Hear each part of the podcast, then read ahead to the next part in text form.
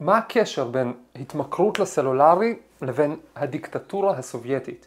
מה הסוד שאתם לא יודעים על אלפרד נובל, האיש והפרס? מה היה לי חשוב להגיד ברדיו כששאלו אותי בסך הכל איך עובדות בטריות? ובשורש הדברים, מה היחס הנכון לעולם החומרי שסביבנו? שלום לכם, תודה שהצטרפתם אליי לפודקאסט המדע מחפש משמעות. אני דוד אייזנברג, אני פרופסור לכימיה בטכניון. בפודקאסט הזה מדברים על עולם המדע, עולמם של המדענים, דילמות אתיות, פיתוח היצירתיות. באופן כללי מנסים להבין את הרלוונטיות של המדע לחיים שלנו. היום נדבר על התמכרות לסלולרי כסימפטום. מה היחס הנכון לעולם החומרי? לאחרונה נפטר אחד מגדולי המדענים בעולם, וכנראה הזקן שבהם, זוכה הנובל פרופסור ג'ון גודינף. הוא נפטר חודש לפני יום הולדת 101 שלו. גודינף זכה בנובל ב-2019 כאחד מאבות סוללת הליתיום. זאת הסוללה שממנה, שמפעילה את הפלאפון, שממנו כנראה שאתם רואים את הפודקאסט הזה, שמפעילה את הלפטופ שלכם, שמפעילה את המצלמות. אחת הסוללות הכי חשובות, הכי משפיעות בעולם, הסוללה של הרכבים החשמליים של היום.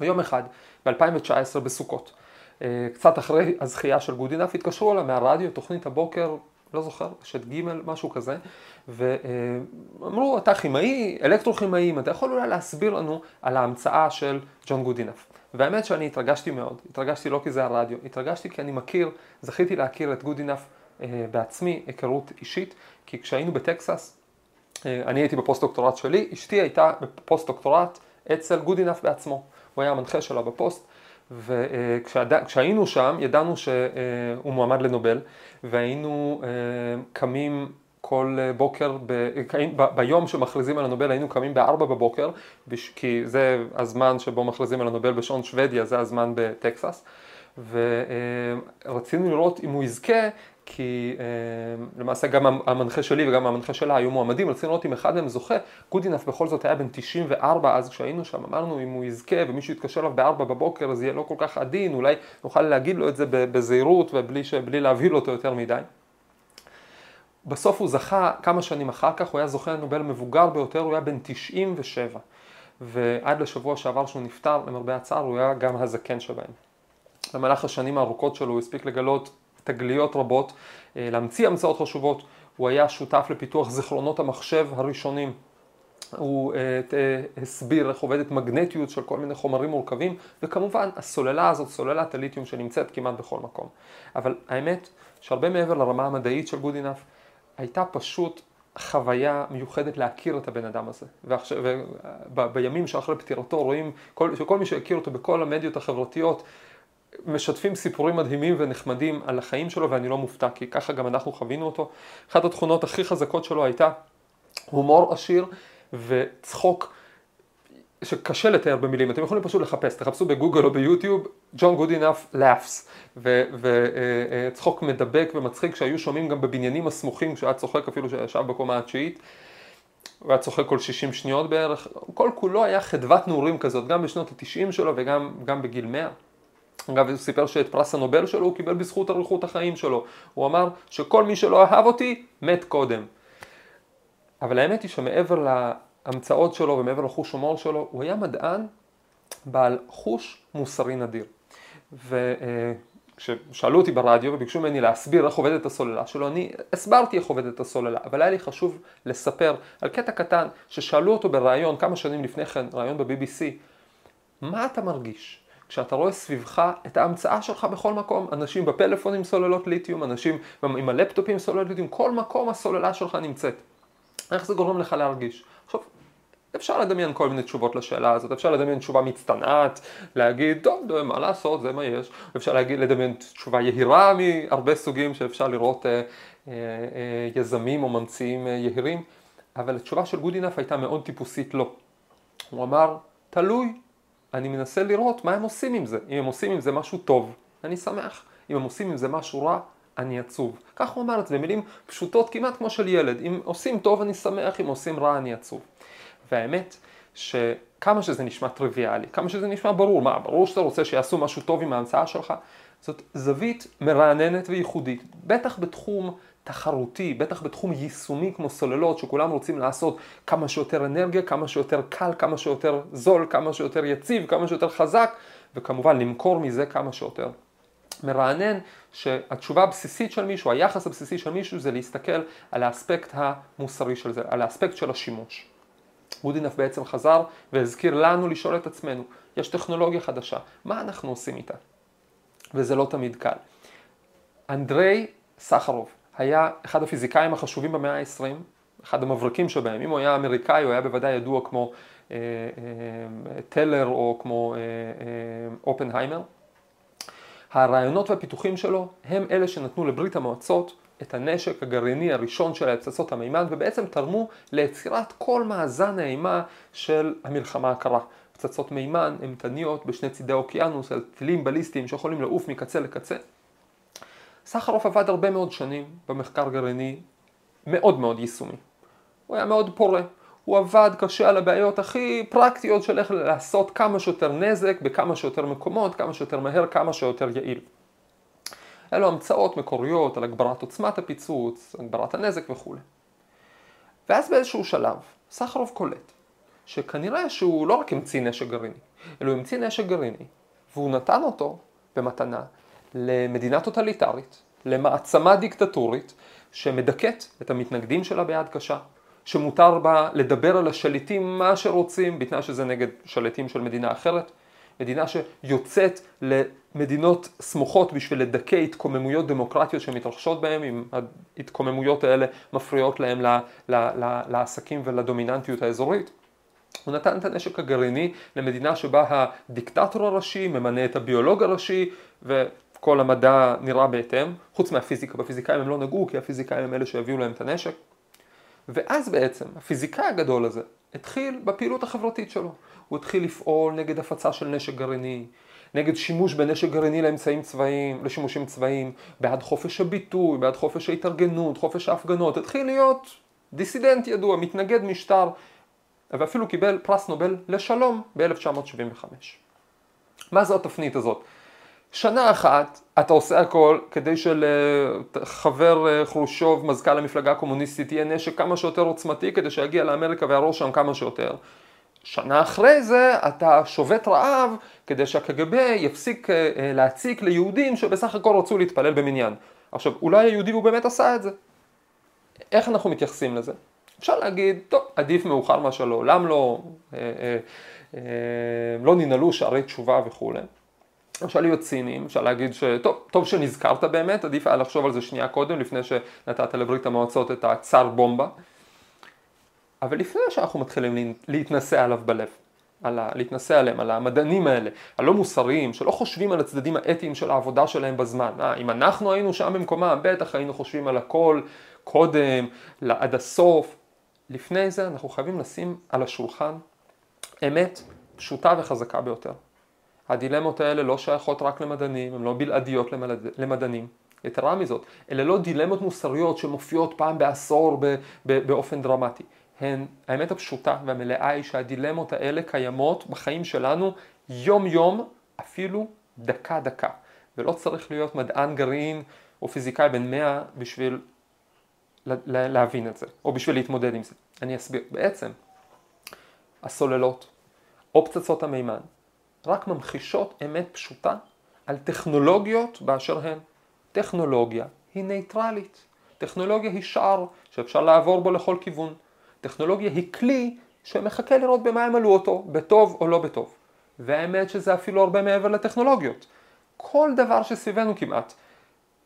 למעשה רוב הדברים בעולם הם נייטרליים. רוב הדברים בעולם, רוב החפצים, רוב התצפיות, רוב התובנות, הן נייטרליות. הן מעין עמדת המתנה, מחכות לראות מה אנחנו נעשה איתם. נעשה איתם משהו טוב, נעשה איתם משהו לא טוב. ניקח אותם למעלה או ניקח אותם למטה. והאמת שהדוגמה הכי חריפה לזה אולי, אחרי שאנחנו מדברים בפודקאסט הזה הרבה על מדענים חשובים ועל זוכי נובל, אולי נדבר על אלפרד נובל עצמו. רבים מכירים את הסיפור על איך הוא ייסד את הפרס שלו, אבל זה לא הסיפור שאני רוצה לספר, למעשה אני, רוצה, אני אספר את הסיפור הזה רק בשביל לה, להביא עליו טוויסט שאני חושב שלא שמעתם. טוויסט מדהים ולא מוכר, שמחדד את הרעיון שאמרתי. הסיפור הידוע על איך הוא ייסד את הפרס נובל זה סיפור שמובא טיפה בגרסאות אבל בפשטות הוא שיום אחד אחד העיתונאים טעה והעריך וכתב בעיתון שנובל מת. עכשיו באותו זמן אלפרד נובל היה ממציא חשוב ביותר, היה לו למעלה מ-500 פטנטים, המצאות גדולות, וההמצאה הכי גדולה שלו הייתה הדינמיט. זאת אומרת, מה זה הדינמיט? הדינמיט זאת דרך שהוא מצא לקחת חומר נפץ, חומר נפץ זה חומר רב עוצמה שאפשר לעשות איתו הרבה דברים, לקחת חומר נפץ אה, מאוד לא יציב, כזה שמתפוצץ אם אתה רק נושף עליו או, או דוחף את השולחן, ולייצב אותו. ואז בזכות זה שאפשר לייצב אותו, אפשר להביא אותו למקום שאתה רוצה, בזמן שאתה רוצה, לחבר עליו פתיל, לפוצץ אותו ברגע שאתה רוצה, הוא בעצם הופך להיות כלי. ונובל הפך את הניטרוגליצרין לדינמיט, בעצם הפך אותו לכלי ופתח אותו להרבה אנשים, ובאמת כמובן שהשימוש הראשון שעשו עם הדינמיט היה מלחמות. וככה נובל קם בבוקר וקורא על עצמו בעיתון. הוא קורא, נפטר, אלפרד נובל ככה וככה, שהמציא הרבה דברים, הדבר שהוא הכי ידוע בו זה המצאה שלו של הדינמיט, שבינתיים הרגה ככה וככה עשרות אלפי או מאות אלפי אנשים. הסיפור מספר, ואני לא לגמרי אחראי על האמינות המוחלטת שלו, כי ראיתי קצת גרסאות שלו, אבל הסיפור מספר, המיתוס, שהוא ראה את זה והזדעזע וייסד את הפרס לטובת אנשים שמקדמים את האנושות בתחומי פיזיקה, כימיה, רפואה, שלום וספרות, שלושה מהם לפחות אה, די עובדים, ו... אה, כי הוא רצה סוג של לטהר את המצפון שלו, סוג של לתקן את הנזק שהוא עשה על ידי המצאה של הדינמיט, זה הסיפור.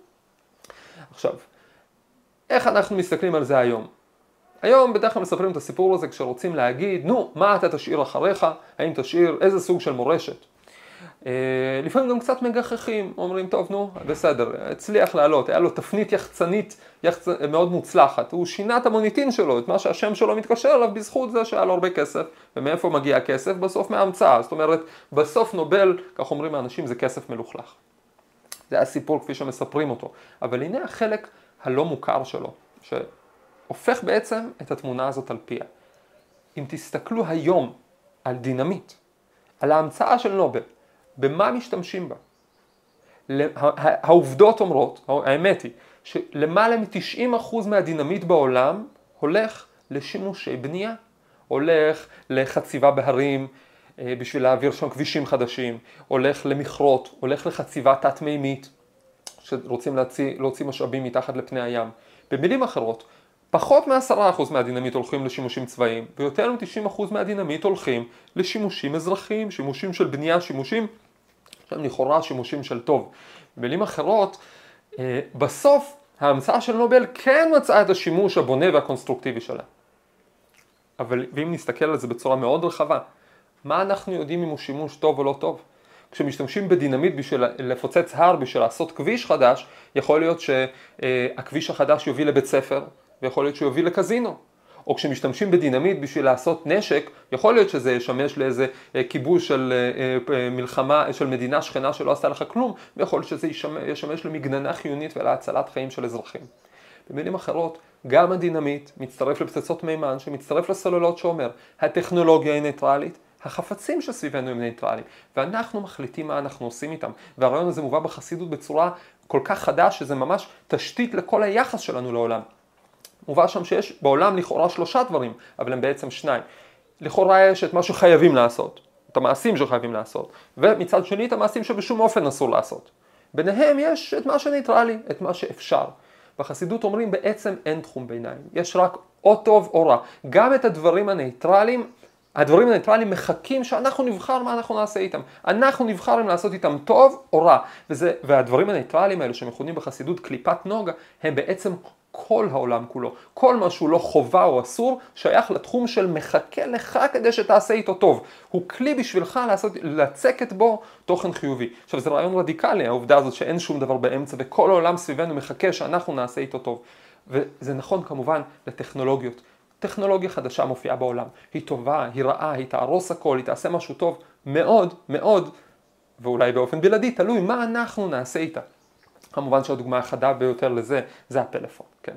מכל הטכנולוגיות שנמצאות היום בידיים שלנו, הפלאפון אולי, אני מתכוון בידיים של, של כולנו, אזרח, אזרחית, מבוגר וילדים, זאת, זאת, זה הדינמיט של דורנו, זה, זה אולי אפילו פצצת המימן של דורנו.